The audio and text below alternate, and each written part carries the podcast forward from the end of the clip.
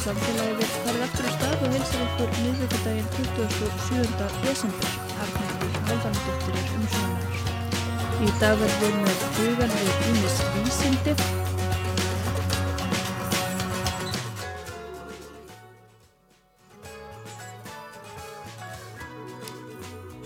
Afsakið. Í dag verðum við með hugan við Ímis vísindi, stoppfrumur, gemvísindi, liv. Hvað gerðist í heimi vísindanna á þessu ári sem að innan skams líður í aldana skaut? Við byrjum á að spjalla við Eddu Olgudóttur sem hefur haldið okkur við efnið í ár, komið hingað í samfélagið í vikulagt vísinda spjall á miðugudögum, alltaf með eitthvað spennandi í farteskinu. Og hún ætlar að fara yfir það sem að henni fannst markverðast í heimi vísindanna á þessu ári 2023. Svo koma þau Freysteinn Sigmundsson, jarðælisfræðingur hjá Jarðvísindastofnun Háskóla Íslands og Erna Magnúsdóttir, dósett í samendalífræði og fósturfræði við Læknadeild Háskóla Íslands og halda áfram að gera upp þetta vísinda ár, ræða stórar uppgötvanir á sínum fræðasviðum, vísinda umhverfið á Íslandi og framtíðina. En þetta er stóri vísinda uppgjörs dagurinn í samfélaginu.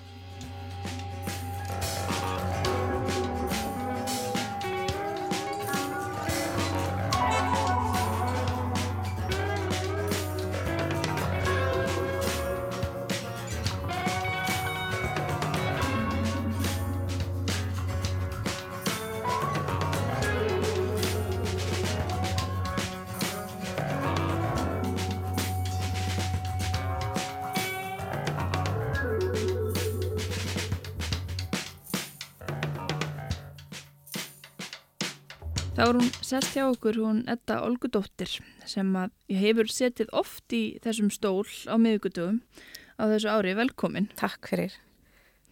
Við ætlum svona þess að, að líta yfir árið 2023 í vísindum. Já, er það ekki viðegandi mitt að að kíkja yfir svona hvað hef, hefur eiginlega gerst svona þegar árið er að verða búið og hérna þegar ég svona skoðaði yfir það, það efni sem við erum búin að vera að ræða hérna þá eiginlega verði ég að byrja á að, að nefna e, líffæra ígræðslur og þá ekki þessar hefðbundnu líffæra ígræðslur þar sem að, að líffæri er tekið úr manni og sett yfir í, í aðra mannesku heldur þessar líffæra ígræslu sem hafa, okkur hefur verið tíðrætt um e, þar sem er verið að reyna að græða líffæri úr öðrum dýrum yfir í menn. Einmitt, Og- svínum og, og fleiri Einmitt. dýrum.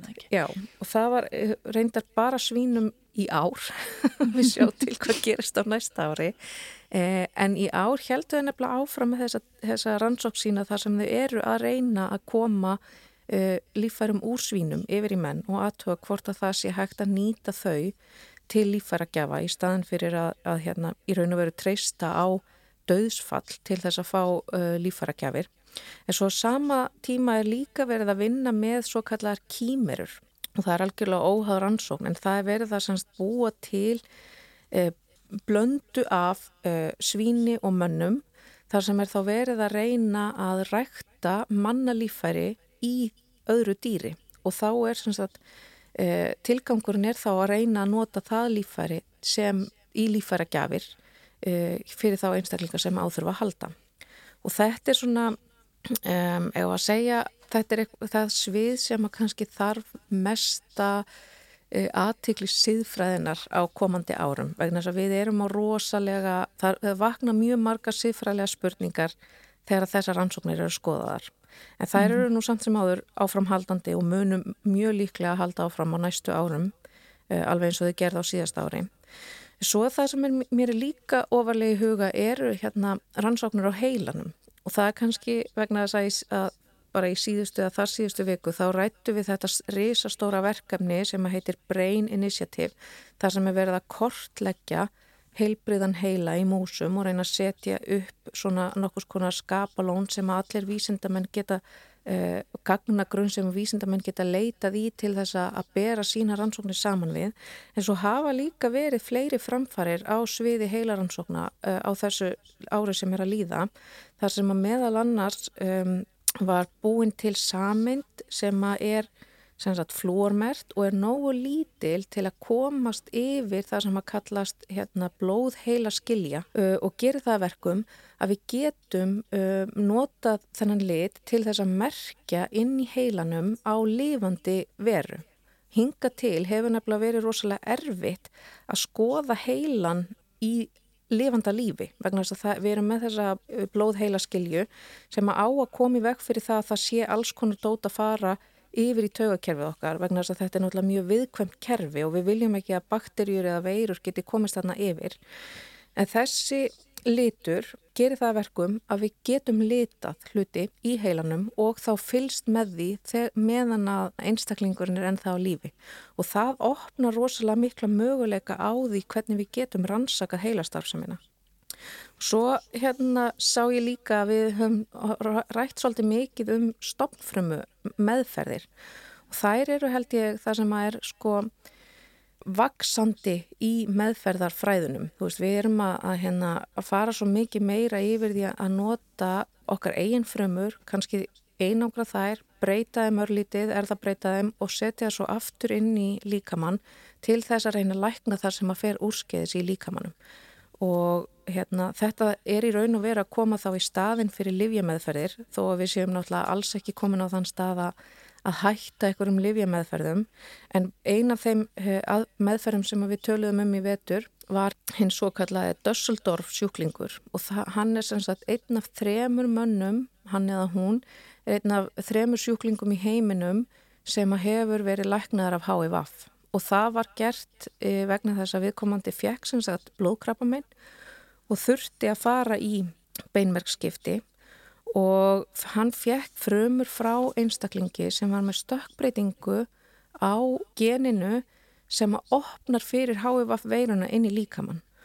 Og þannig að þessi gjafafrömmunar þær voru ekki með þennan þessa, auðvitað að segja bara dyr inn í frömmunar sem að HVF þarf og þegar hann sex árum held ég hafi verið eftir þessa krabbaminnmaðferð að þá hætti viðkomandi á HVF-livjunum, það hafa ekki mælst í honum HVF-veiru síðan þannig að hann læknaðist af þessum skæða veirusjúkdómi. Og var það þá bara óvart í rauninni?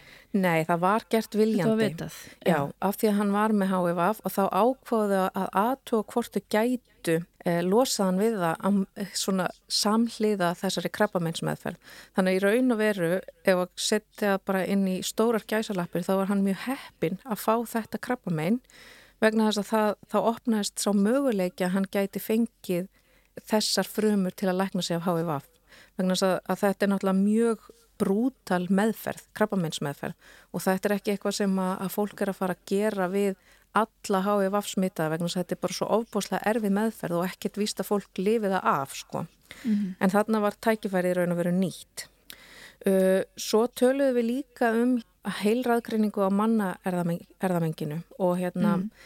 Við, það er nú langt síðan að vísindamenn tilkynntu að, að því væri lokið. Það var bara fyrir 20 árum, 2003, að þá lokuðu þeim manna erðamenginu og svo held ég að hafa verið í fyrra að þá tilkynntu þau að erðamenginu hefði verið algjörlega lokað af því þá voruð búin að skoða öll sko erfiðu svæðin líka.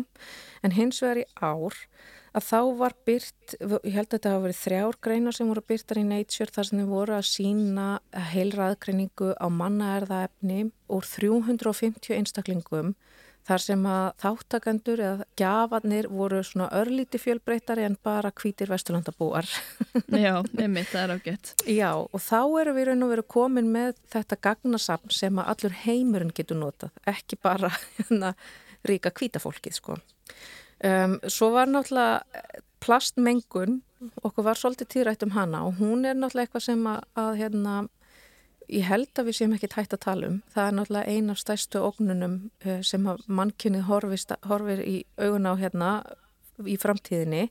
Já, já, uh, lausnin ekki fundin og vandin vex. Já, vandin vex og svo er einn ein rannsók sem við rættum einmitt var að sko plastið mælist í vefjum sjávaspendýra og þá er ég ekki að tala um bara meldingavegin heldur í fytuvef eða vöðvavef og mm. þá erum við náttúrulega farin að sjá eitthvað sem við þurfum, mögulega, þurfum virkilega að hafa áhyggjur af að örplastið er að smegja sér inn í, í líffæri sem að, þar sem það á alls ekki vera sko og ef við setjum það í samhengi við mannina þá þýðir það að við erum að fara að borða þetta örplast eh, sem ég held að fæstir hafi mikið áhuga á. Svo svona kannski það sem að stóð svo helst upp úr líka af þeim, því efni sem við fórum upp úr það var hérna GLP-1 liv og við kannski könnumst við það sem sagstendalifið, megrunarlifið og það flög rosa hátt hérna á Íslandi og fekk mm. svolítið neikvæðan stimpil sko og mögulega vegna þess að kannski er fólk sem að þarf ekki á því að halda að nota það, það var allavega svona umræðin í kringum það.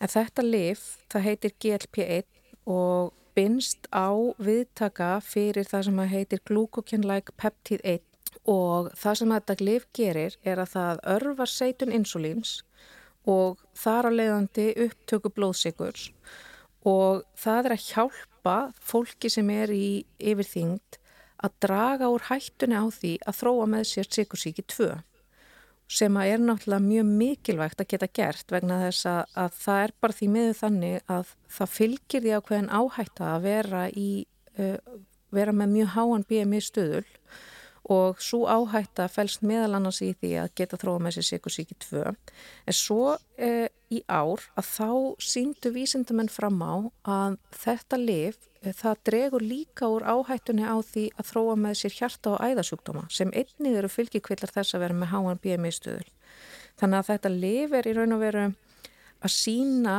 fram á að það hefur mjög jákvæð áhrif til að hjálpa fólki að draga úr þessari áhættu og það virðist vera þokkalega örugt sem að önnur lif í raun og veru sko vegna mm. að, að við höfum verið með önnur svona lif sem að að, að gera nákvæmlega þetta draga úr þessari áhættu en þá hefur, hafa þau oft sko mjög neikvæðar og hættulegar aukaverkanir í förmið sér en svona þegar ég hef sagt þetta þá, þá veit ég líka að aukaverkanir af þessu lifi er sko mikil vannlíðan og fólki er oft flökurt og, og hérna hefur litla list þannig að það er ekki góðar aukaverkanir en þær eru að minnstakosti ekki jafn hættulegar og af þeim lifum sem að hinga til hafa verið á markaði.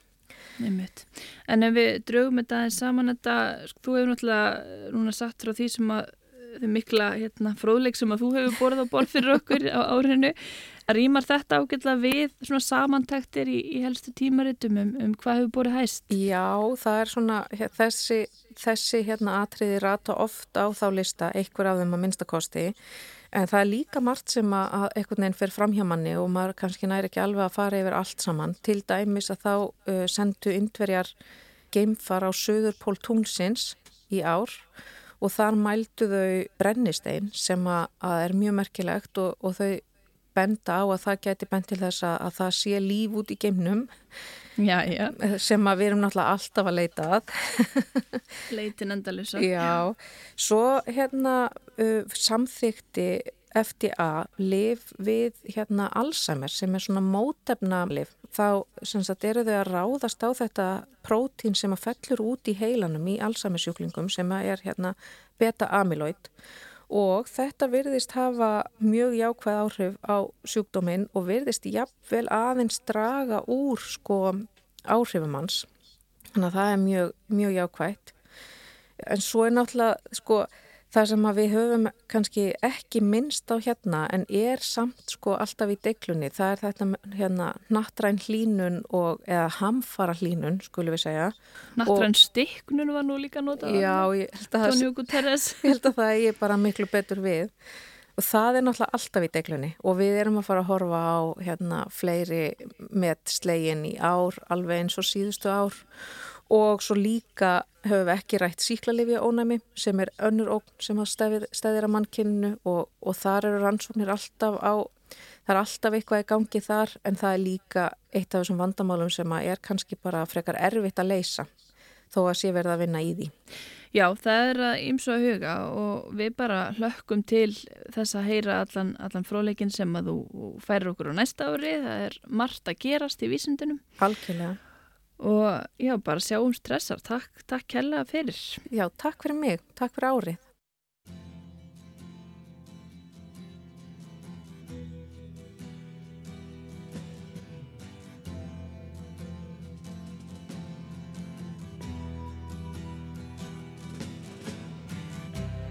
Ground control to Major Tom. Ground control to Major Tom. Take your protein pills and put your helmet on.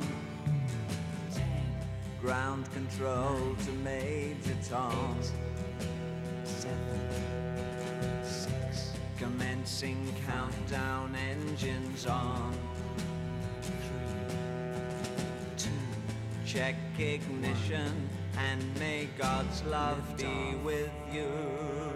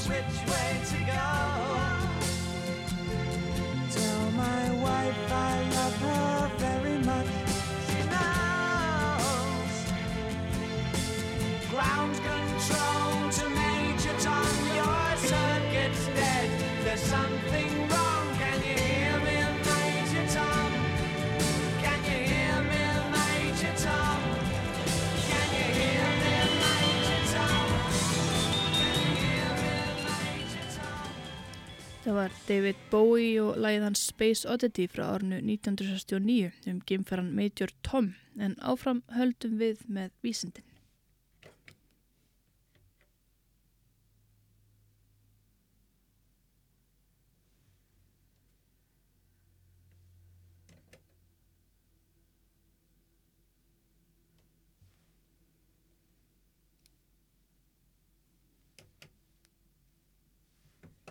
Já, vísindin þau eru, eru mikilvæg og núna þegar þetta ár 2023 er að líða undir lok þá er kannski rétt að- líta tilbaka og, og hugsa þess um hvað við vitum núna sem við vissum ekki þegar þetta ár var að byrja. Við ætlum að gera upp vísinda árið í, í samfélaginu í dag og hingað til okkar eru komin þau eh, Erna Magnúsdóttir, dósent í saminda líffræði og fósturfræði við Læknadeild Háskóla Íslands og Freysteinn Sigmundsson, jarðæðlisfræðingur hjá Jarðvísindastofnun Háskóla Íslands. Velkomin í samfélagið. Takk fyrir. Takk, takk. Ef við bara eh, hugsum um þetta ár, og kannski byrjum bara svolítið uh, vitt og breytt, hvað finnst ykkur standa upp úr svona á, á vísindasviðinu? Ef við byrjum með þér erna. Já, sko, kannski hérna það sem snýr næst mér er náttúrulega líffræðin og, og svona samönda líffræði og fóstufræði og það sem að, að hérna kannski stóð upp úr er kannski ekki beint uppgötun en vísindamennum við Weizmann hérna stopnununa í Ísrael tókst að taka stoppfrumur úr fóstuvísumanna og líka er svo fjölhæfar stopfrumur og líka stopfrumur sem að er búið að gera fjölhæfar hérna, á annan hátt og setja þær í bara ræktarskálar og gefa þeim þannig aðstæður að þær skipuluðu sjálfa sig í að verða að svona fóstvísa líkani sem náði tveggja vikna aldri sem er mörkin fyrir það sem er leifilegt að gera í tilraunaskál með manna fóstvísa. Og þetta er alveg hérna ótrúlega uh, flott hvernig hérna þetta, þetta segir okkur ansi margt af því að það er hægt að setja frumur í eitthvað kokteil af bóðefnum, gera umhverfisaðstæðar hýtastig, gastegundur og annað. Uh, það er að stilla það af og, og þá bara tekur þessi hæfileiki fjölhæfra fruma við og bara þær fjölga sér og skipulegja sig svo í mismunandi vefi fóstuvísisins. Þannig að þetta er alveg hérna, ótrúlega framför að, að þetta hafi verið hægt. Það, það, auðvitað voru einhvers konar byrjunastig sem að hefðu verið framkvæmt áður en í þessu tilviki þó að þetta hafi ekki verið fullkomlega eins og uh, fóstuvísir þá var ansið nálagt í og það voru svona réttir hlutur á réttum stað. Fram að þessu hafðu verið svona miklu óskipulagðari þyrpingar af frumum sem að hérna voru svona vísar að uh, vefjum. Þannig að já, einhvern veginn var, voru bara skapar aðstæður þar sem að þessar frumur fundu það upp hjá sjálfum sér að raða sér upp í fósturvísi. Já, það má í raun og verið segja það. Fram að þessu hafa mannafósturvísa verið ræktaðir og ekki alveg svona langt samt og, en þá hefur við alltaf byrjað á glasafrjókun og svo hérna eftir glasafrjókunina þá sér okkfrumann bara um hérna hún skipti sér og svo, svo skipilegur fóstuvísirinn sér sjálfur.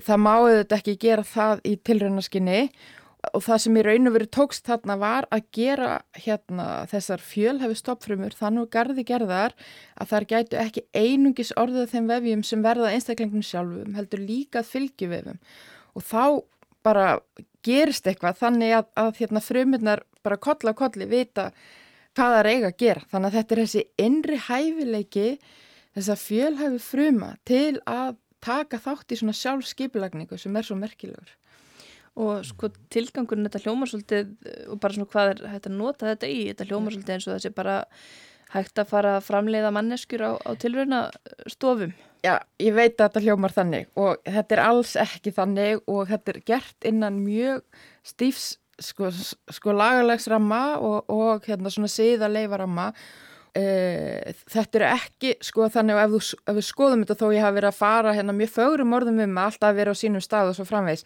þá samt verða ekki fullkomið.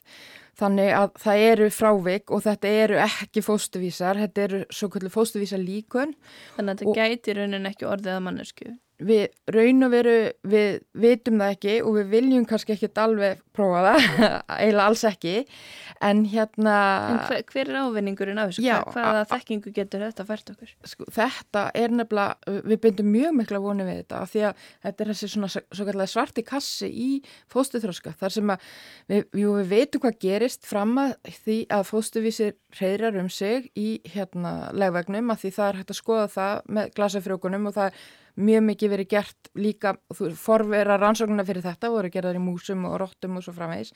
En svo bara veitum við ótrúlega lítið hvað gerist. Við veitum miklu meira hvað gerist í öðrum lífverum.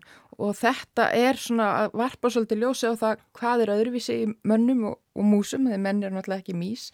Og það gefur okkur ótrúlega sterkar vísindbendingur um hvað getur farið úr skeiðis á fyrstu dögum og vikum uh, fóstuðröska og þannig að núna sko það er talið það mikill ávinningur af þessu að nú er til dæmis breskir vísindamenn sem alltaf verið farabróti í þessum rannsóknum. Fyrstu glasafrjókanirnar sem að, að það er sér fyrsta meðgangan í, hérna, og fyrsta glasabatni fættist í Breitlandi og breski vísindamenn hafa alltaf verið fremstir þarna og þeir vilja íta rammanum þannig að það sé hægt að rækta fóstuvísa í fjóra vikur. Og, og, og þá eru rökin fyrir því að tvær vikur voru svona bara einhver lína sem var sett en ekki út af neinum sko staðrindum og eftir fjóra vikur að þá erum við ekki komin til dæmis með virt haugakerfi í fóstuvísi en þá gætu við afla okkar miklu sterkar upplýsingar um hvað fyrir úrskeiðs fóstuþróska og líka til dæmis um, hvað umhverfis áhrif er að gera, hvað gera ákveðin lif og svo framvegis, hérna eru þau skadlega, eru þau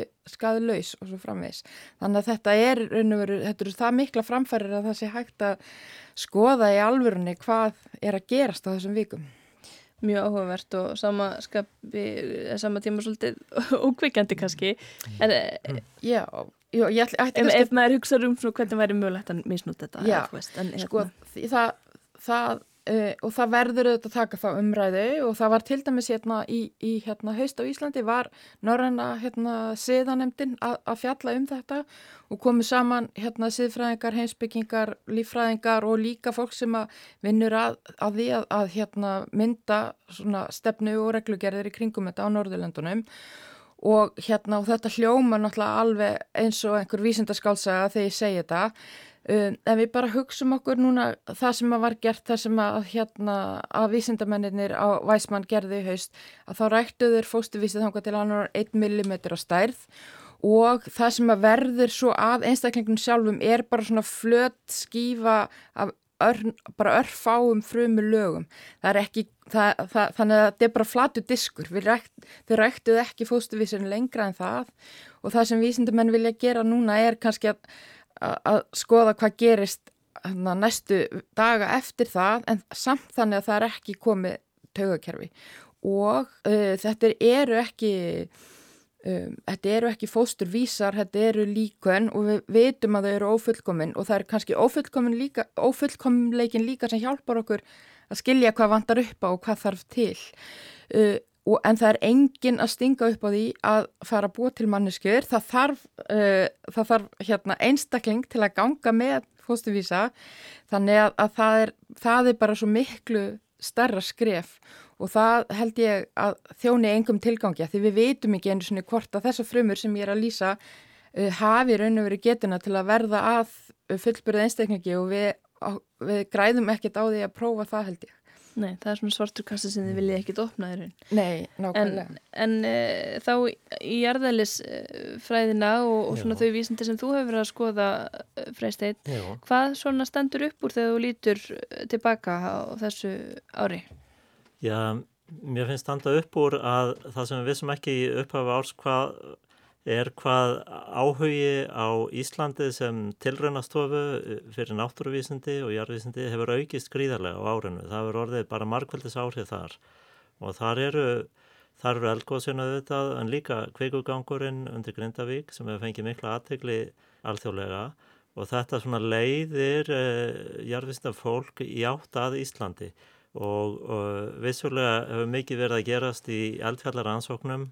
Uh, það er svona að sífælt þróun, uh, bættur skilningur og betri líkun á, á hvað er að gerast neðanjarðar. En þetta er á, á fleiri sviðum þar sem bara áhugin á Íslandi er aukast meðal annars út af, af breytingunum sem eru verða á plánetun okkar út af uh, hlínandi lofslægi og umhverfisáhrifum. Og Ísland er, uh, við höfum alltaf litið á Ísland sem svona ákvæmum tilraunastofu en, en það er svona gríðarlega vaksandi aukin alþjóðlegur áhugi og uh, núna fyrir í mánuðum var ég á, á staðstu svona jarðistarástafnu heims uh, í Ameríku, í San Francisco og Ísland er bara á allra vörum í jarðvísindum, finnst mér. Mér finnst það hafa að orð, orðið stökkbreyting núna árinu, mjög mikil viðbót. Og vantilega þá bara teimi að fólki sem er að koma náttúrulega í tengslum við uh, eldgóðsinn, jarðhöringarnar og, og Já. auðka er unni rannsóknir og vísindin hér. Tvímarlaust, aukið samstarf, það er vaksandi áhuga samstarfi og þetta er á fleiri sviðin, það verður að nota Ísland til að að undirbúa geimferðir, uh, aðstæður á plánetum, uh, uh, ber það saman með eldgóðsabelti Íslands. Síðan er það náttúrulega lofslagsbreytingar að, að þar getur Ísland skipt mjög miklu máli. Uh, við getum skoða lofslagsögun aftur í tíman og við getum skoða allar þessar breytingar sem hafa orðið á náttúrunni og það er náttúrulega tengist yfir í, í, í miklu meir en bara jarðvísindi, uh, lífræðina og landfræði og bara að umhverfisbreytingar hafa orðið svo miklar þarna, þarna er mikil tæki fyrir færi fyrir okkur á, á komandi árum held ég að, sinna þessu svona sinna þessum aukna áhuga nýta að, að, þetta svona íslenskum vísnamönnum til hagsbóta, uh, efla tengingar uh, og, og uh, það hefur svona árið var mjög mikill á því sviði. Og við vorum að tala um, um frjósemi erna og sko jörðin hér eða landskorpan, hún hefur Já. verið nokkuð frjósum í ár og síðustu ár líka, það skæin er vaknaður. Já, er eitthvað svona einhverja líkil uppgötanir sem hafa verið gerðar eða ný þekking sem hefur orðið til í tengslum við þessi umbrót öll? Já, það er svona framþróun má, má segja, bæði á þeim ferlum sem leiða til eldgósa, uh, uh, til dæmis jarðefnafræði, uh, það fikk mjög mikla aðtegli rannsóknir á, á, á berggerðinni sem kom upp í fyrsta eldgósin í Fagradalsfjalli, uh, af því að þar komst upp á yfirbor kvika sem hafði ekki stoppað lengi í jarðskorpunni. Þetta vakt, vakti mikla aðtegli e, uh, alþjóðlega uh, og svona betri sín á það hvernig yfir höfuð bara uh, kvika verður til og hvernig hún blandast og, og, og myndar síðan þessa jarðskorpu. Uh, kvikugangarnir, þessi gögg sem hafa, hefur verið sapnað af því sem gerist neðanjarðar eru á svona heimsvísu, það er hort til, til þessara gagna til að skilja hvernig jarðskorpan verður til og þetta er sett í samhengi við ferlið sem eiga sér stað á uh, jarðskorpa útásbossins myndast á svipaðan hátt og hérna á Íslandi. Þannig að þetta eru allt atriði sem, sem hafa, hafa ekki svona mikla aðtegli myndi við segja. Já, og þeir eru svona, þú ert að skoða hvað er að gerast ofan í jörðinni, Já. í jörðinni, erskorpunni, erna þú ert að skoða það stoppfrumur, uh, sameindir. Mm Er eitthvað sem að sko þessi fræðasvið og bara þegar við hugsaum um fræði almennt eða sameigilegt, einhverju sameigilar áskoranir eða, eða viðfangsefni? Það, er þetta það- gjörólíkt? Ef, ef, ef ég hún nefna sko, það er mjög vaksandi svið svona, við höfum ekki notað það hugtak mikið hérna á Íslandi, svona lífjarðvísindi, Mhm. biogeoscience, Akkurat. mjög vaksandi þar sem við verðum að skoða lífranefni til dæmis í, Mhm. í uh, setlugum stöðuvatna til að, að lesa loftslag uh, aftur í tíman. Uh, það er eitt svið, mjög vaksandi. Já, algjörlega sko, þetta er náttúrulega, hérna, jörðin er náttúrulega hjúpu lífrannum massa og, og þessi svið þau tala mjög saman að, að það er hægt að nota þess- þekkingu á Já. lífrannum efnasamöndum og, og svo framvegis til að, hérna, að lesa Já. í jarlögin og, og svo aftur að þá náttúrulega hafa jarlögin nýst okkur vel með stengjarfingum og öðru til þess að, að lesa í, í náttúrusögu og, og sögu lífsins á jörðinni. Þannig að Þetta talar algjörlega saman og það sé kannski svolítið fjarið því sem ég geri að þá er, þá er það samt hluti af þekkingunni sem að fæði mitt byggir á er, kemur úr, úr svona Já. jærsögu hérna, já, einmitt. Þannig að það geta, já, það, með svona þverfaglegri nálgun og, og því að, að ólíka greinir vinni saman að það er náttúrulega kannski geta, já, ég vil bara orð, orðið til nýjar undirgreinar og, og ný, ný þekkingu þetta. Já, Já. þverfagleg uh, vísindastar sem er sífælt vaksandi uh, öflur með hverju árinu uh, sem er líður. Erna, þú saði mér frá öðru sem að þér fannst svona merkjöld árinu þegar ég spjallaði við þig og baði að koma hérna. Uh, það voru svona örlíffæri eða mótel af líffærum sem að er verið að rækta líka. já, akkurat og við, við erum svona ennþá hérna á Íslandi að, hérna svona ræða hvað við ætlum að kalla þessi örlíffæri eða ég hef stundu kallað þetta líffærlinga því þetta heitir organoids á ennsku og þetta eru Líffærlingar. smá sæ hérna líffæri þar segja við erum að aftur eins og núna ef ég má segja bara sem við erum að gera á rannsóknarstofan hjá mér að það var önnur uppgötun sem var gerða árinu að þá voru vísindamenn sem tókst að búa til svona hérna svona beinmerks líffærlinga eða ör líffæri og þá erum við aftur, við erum að nota stofnfrumur og við beinum þeim í áttin að verða beinmerk, bara þetta eru örlittlar 100 mikrometra stóra gúlur sem við búum fyrst til í rækt og svo gefum við þeim boð, boðefni og það skipulegja sér sjálfar í að verða mjög, ekki að fullkomin beinmerk en mjög nálægt uh, því að verða fullkomin beinmerkur. Og þetta er svona það sem búið að að gerast undarfærin tíu ár kannski að hérna uh, 2013 þá fekk Sinja Yamanaka Nobelsvelunin fyrir að geta snúið fullornum eða segja full þroska frumum yfir í að verða aftur fjölhæfar frumur eins og hérna fjölhæfar hérna stoppfrumur úr uh, fóstuvísum og þá opnaðist ótrúlegt tækifæra því þá er ekki lengur þessi siðferðfræðist þröskuldur að þurfa að vera að nota fóstuvísa í þessar rannsóknir. Og vísindamenn uh, bara tók af stað tóku sprettin og í dag að þá er hægt að gera svona örlífæri það, úr bara flestum lífærakerfi mannsins. Það, það er mjög mikla framfæri til dæmis í að búa til hérna örheila eða svona hérna þess að við kallum hérna eh, það er svona tauga örlífæri og, og heila örlífæri til þess að rannsaka hvernig bæði heilin skipilegur sig og svo bara lungu, lifur, bris og svo framvegis og þetta veitir okkur ótrúlega upplýsingar um bara hvernig annars vegar lífærin verða til og hins vegar hvernig hérna, þau starfa svona á svona vefja fræðilegum svona level ef við má sletta og hérna og líka að menn eru færnir að nota þessi örlífæri í livjaprófanir og samhliða þessu að þá hafa orði, að eru menna rækta líka ægsli þannig að það er kallað tumoroids á hérna á ennsku, það er að segja ægsli, svona örægsli til þess til dæmis að prófa lif eða skoða samöndaferla sem að valda,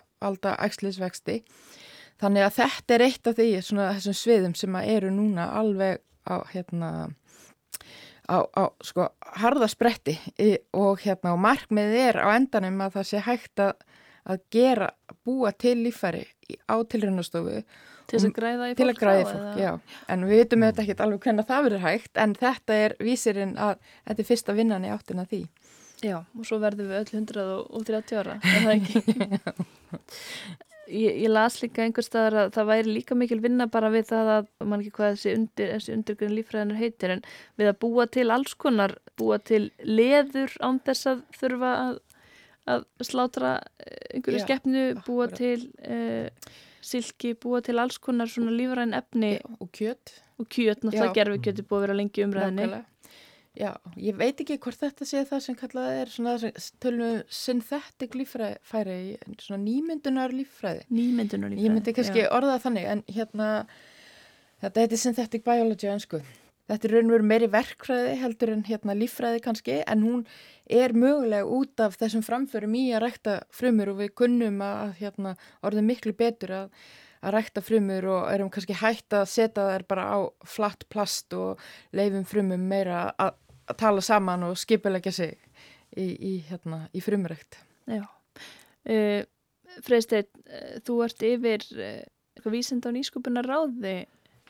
Já, áruna voru sett ný lög, uh, tóku gildi ný lög um, um svo kallar vísind og nýsköpunaráð og, og ég er formaður í því ráði.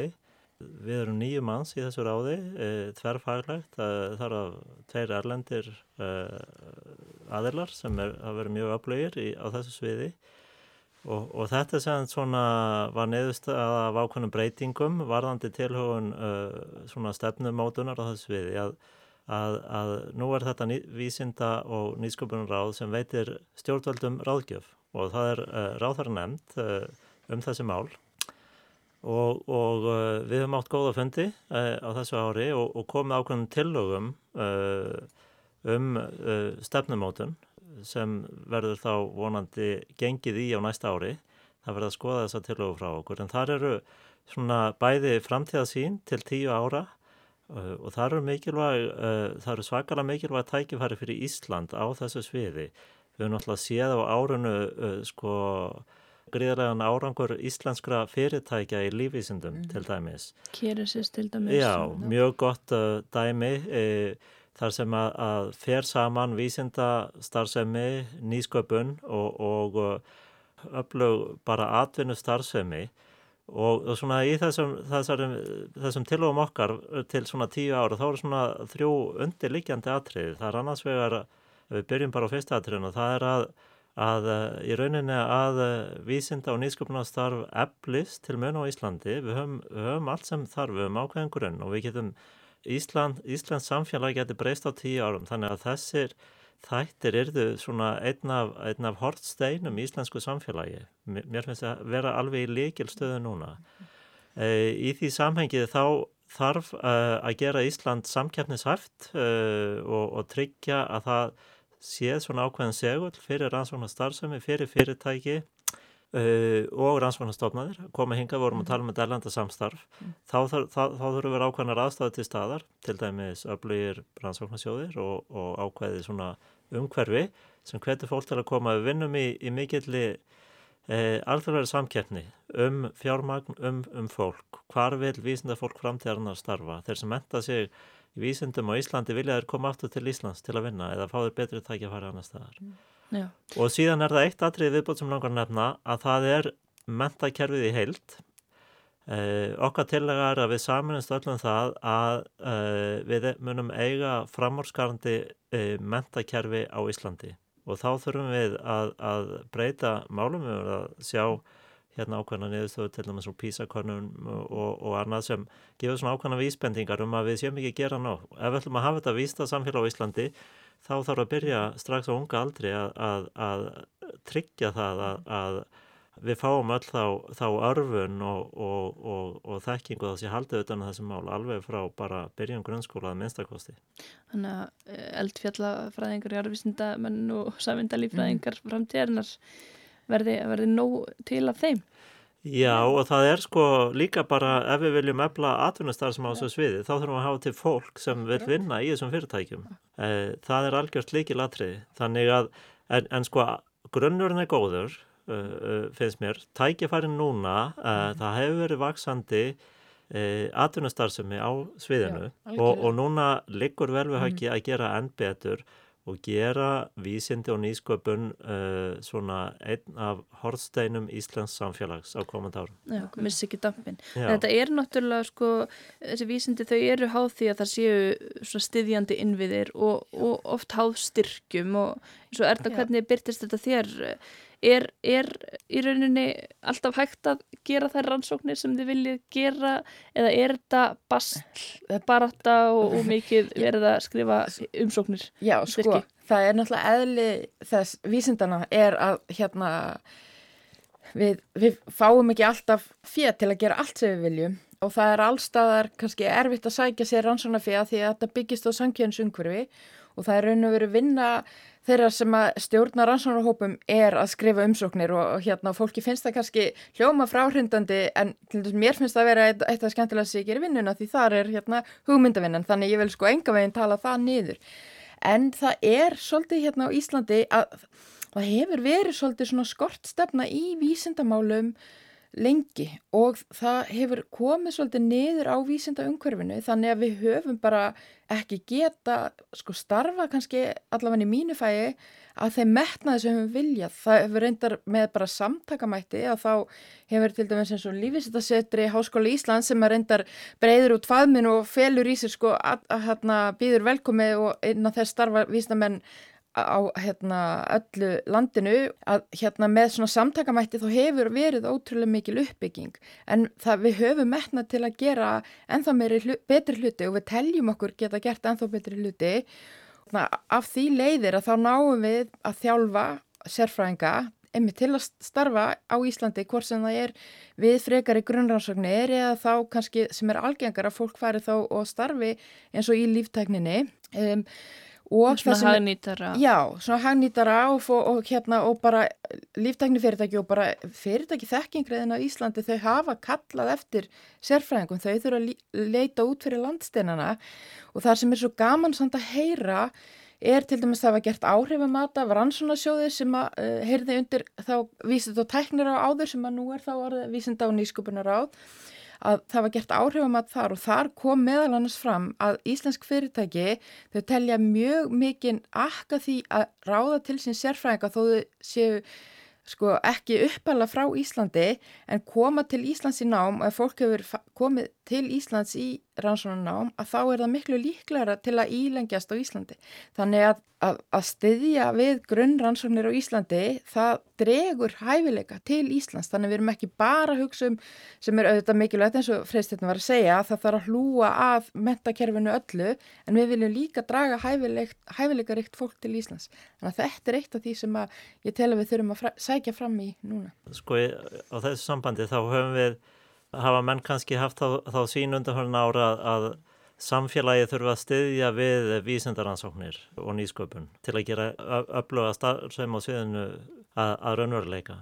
Uh, ef vel tekst til í, í mínum huga þá er árið ár kannski ákveðin vendipunktur þar sem getur snúið dæminu við í rauninni að vísindi og nýsköpun styðji við samfélagið allt og verði horsteinn þannig að, að þetta er ekki einhver stuðningur í vísta starfsemna heldur uh, kallist þetta á og þetta verður svona grundvöllur, þetta munið skipta meira mála á komandi árum. Já, þetta verið fjörregg en ekki Já, einhvers konar uh, svona... einhver hérna, kvöð að veita fjármagni inn á þessi svið, sko. Já.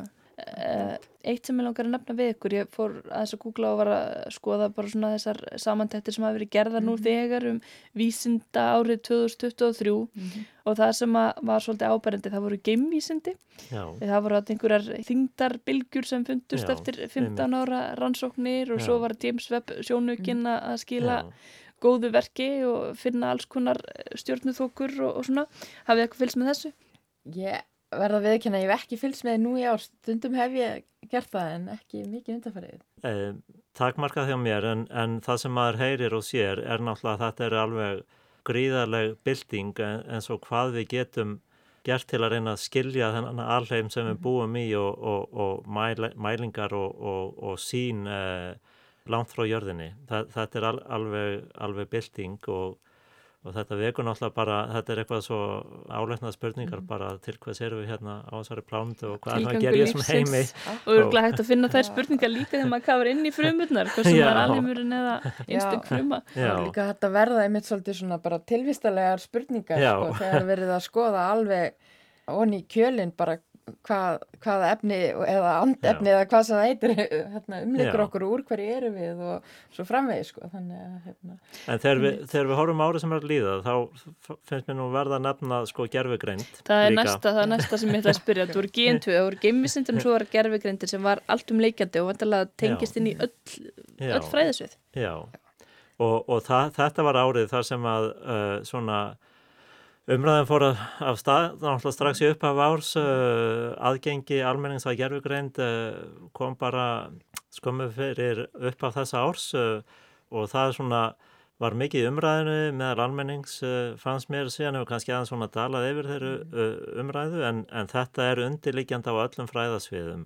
Og þetta mun breyta mjög miklu líka bara í mentakerfinu til dæmis sem voru nú að tala um að því að þetta breytir bara hvernig þarf að kenna að, hluti um, gerfugreind er þetta aðstofa fólk sem er komið e, tölfur sem eru þjálfaðar upp til að vinna sem menn þetta er bara framtíðin og, og það eru e, svona tengd atriði e, sjálfkerrandi bílar í Ameríku, það er bara meira á þeim á göttunum, e, okkur finnst það framandi. E, en þetta er bara framtíðin, það eru mikla taknibreitingar uh, uh, hverju árið verður allt meira og meira rafrænt uh, hjá okkur og, og þarna samtfinnast sko náttúrulega vísindi og, og nýsköpun alveg gríðarlega mikið. Uh, já. þetta er árið sem að gerfugreind svona tók, uh, virkilega yfir. mikið stökk. Já, Vonandi ekki búin að taka alveg yfir, við ætlum að, við ætlum að nýta nokkuð Já. til hagspóta. algjörlega og hérna, við erum náttúrulega búin að nota gerfugreind mikið í, á lengi í, við að greina líffræði gögn og mjög mikið til við að greina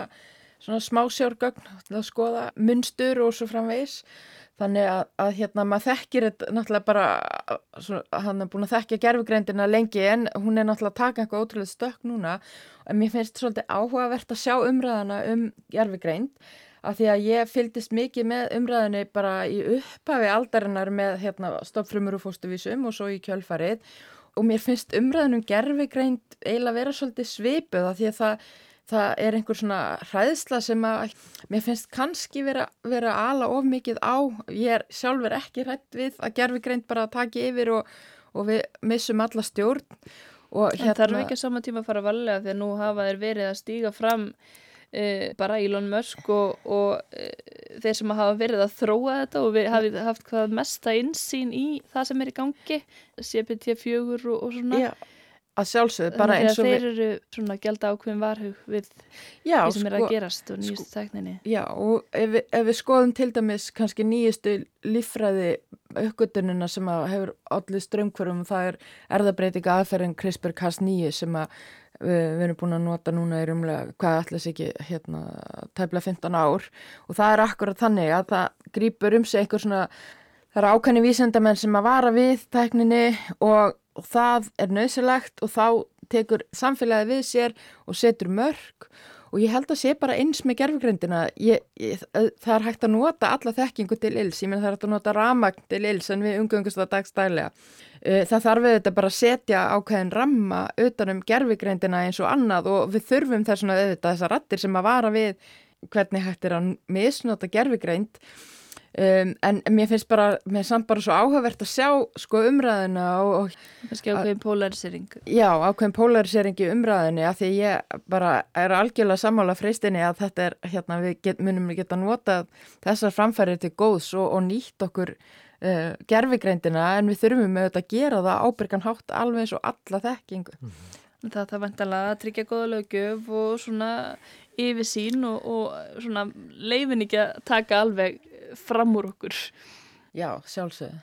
Já, þetta er náttúrulega bara eins og með allar aðrar, uh, aðra framþróun að við þurfum að lifa með henni, við förum ekki aftur tilbaka og það er náttúrulega ómyndanlega tækifæri á öllum sviðum uh, svona bara sem dæmi, ég held að vera mjög mikil þróun til dæmis í jarðskjáltafræði að, að, að greina allar þessar bylgjur sem er þetta að mæla uh, núna eins og þess ári sáum við náttúrulega það er verið að nota ljósleðara meira til að greina bylgjuform en það er þetta að greina og, og þjálfa a- a- tölfur í rauninni til að greina mörg merki sem við erum að sjá í jarðvísindum og vinna úr þeim uh, og Sjá mynstur já, sjá mynstur uh, sjá mynstur. Samþætta gögn einhvern veginn að hátt sem ekki hefur verið gert áður. Já. Þannig að öll þessi handavinna og þungavinna, hún svona mingar það vonandi. Já, það er náttúrulega bara eðli að það, eðli þróunar, framþróunar að það er bara stanslösa breytingar á þeim uh, störfum sem við verðum að vinna. Þannig að störfum sem verða unnin eftir 50 ára eru kannski störf sem við bara getum ekki ímynda okkur í dag eh, einu sinni. Sko. Og störu vísindamanna þau eftir að breytast Já, líka klárlega. þróast og Já, Algjörlega. einmitt. Eitthvað sem þið viljið segja að lokum um, um þetta ár eða, eða framtíðina? Já, ég raun og veru ekki, maður bara hlakka til næsta árs og, og hvað það byrja skautið sér. ég vil kannski bara nefna svona áhuga almennings á vísindum. Við náttúrulega Já. búum að því að það er mjög mikill áhugi hérna á vísindum og, og, og það er algjörlega frábært og við þurfum að, að byggja undir það.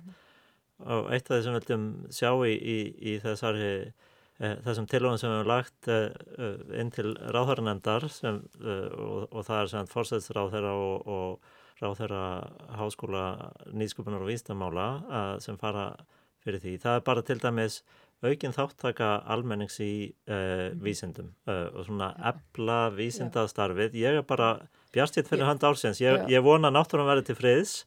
Uh, við erum náttúrulega með erfiða spurningar. Grindavík segir okkur til dæmis að, að minnir okkur á hvað náttúrun er í rauninni getur verið óblíð. Fram að þessum atbyrðu þá höfum við í langan tíma í marga áratug ekki orðið fyrir alvarlegum skakkaföllum að völdum kvikurhefinga eða eldverkni en við þurfum að búa okkur undir það að, að búa í þessu landi náttúru hamfara og þá þurfum við að efla vísindi og, og skilning á, á mörgum sviðum. Verðið að taka undir þetta með já, almenning og vísindi og það Mm, hérna kannski hefur svolítið borið á því að, að svona hérna vísindamenn séu settir okkur stall og, og svona kannski eldri hugmyndir eru svona ví- vísindamenn séu svona fræða almenning og, og hérna frekar hann að almenningur taki þátt í vísindum og sem Já. betur fyrir þá er þetta breytast mjög mikið Mm. og það er svona, svona almenningsvísinda hópar út um allan heim þess að kalla citizen science þar sem að, að almenningur er að í samtali við uh, vísindafólk og þetta er svo mikilvægt af því að almenningur getur sagt uh, vísindafólki til dæmis hvaða er, hvaða spurningar er mikilvægar komið með aðra vinkla á vísindaspurningar þannig að þetta er alveg ótrúlega mikilvægt hluti orðin í vísindastarfi. Já, og, og, og, frábært dæmi í jarðvinsundum og þessu mm. til dæmis Jöklaransóknarfélag Íslands uh, sem bara hort til alþjóðlega. Það, þar er sko bara almenningur að leggja alveg ótrúlega lið inn í, í, í Jöklaransóknar á Íslandi og hafa gert um marga ára tíu og leitt til alveg uh, ómetanlegar framþróunar á þessu sviði í samstarfi mm. vístamenn. Já, að það virki almenning Já. og þetta hefur svolítið komið til talsumit hérna í samfélaginu, við fjöllum mikið um vísindi en það sem að, svona, er mér í huga eftir árið eru allar þessar nýju sumar ágengar tegundir sem eru að finnast.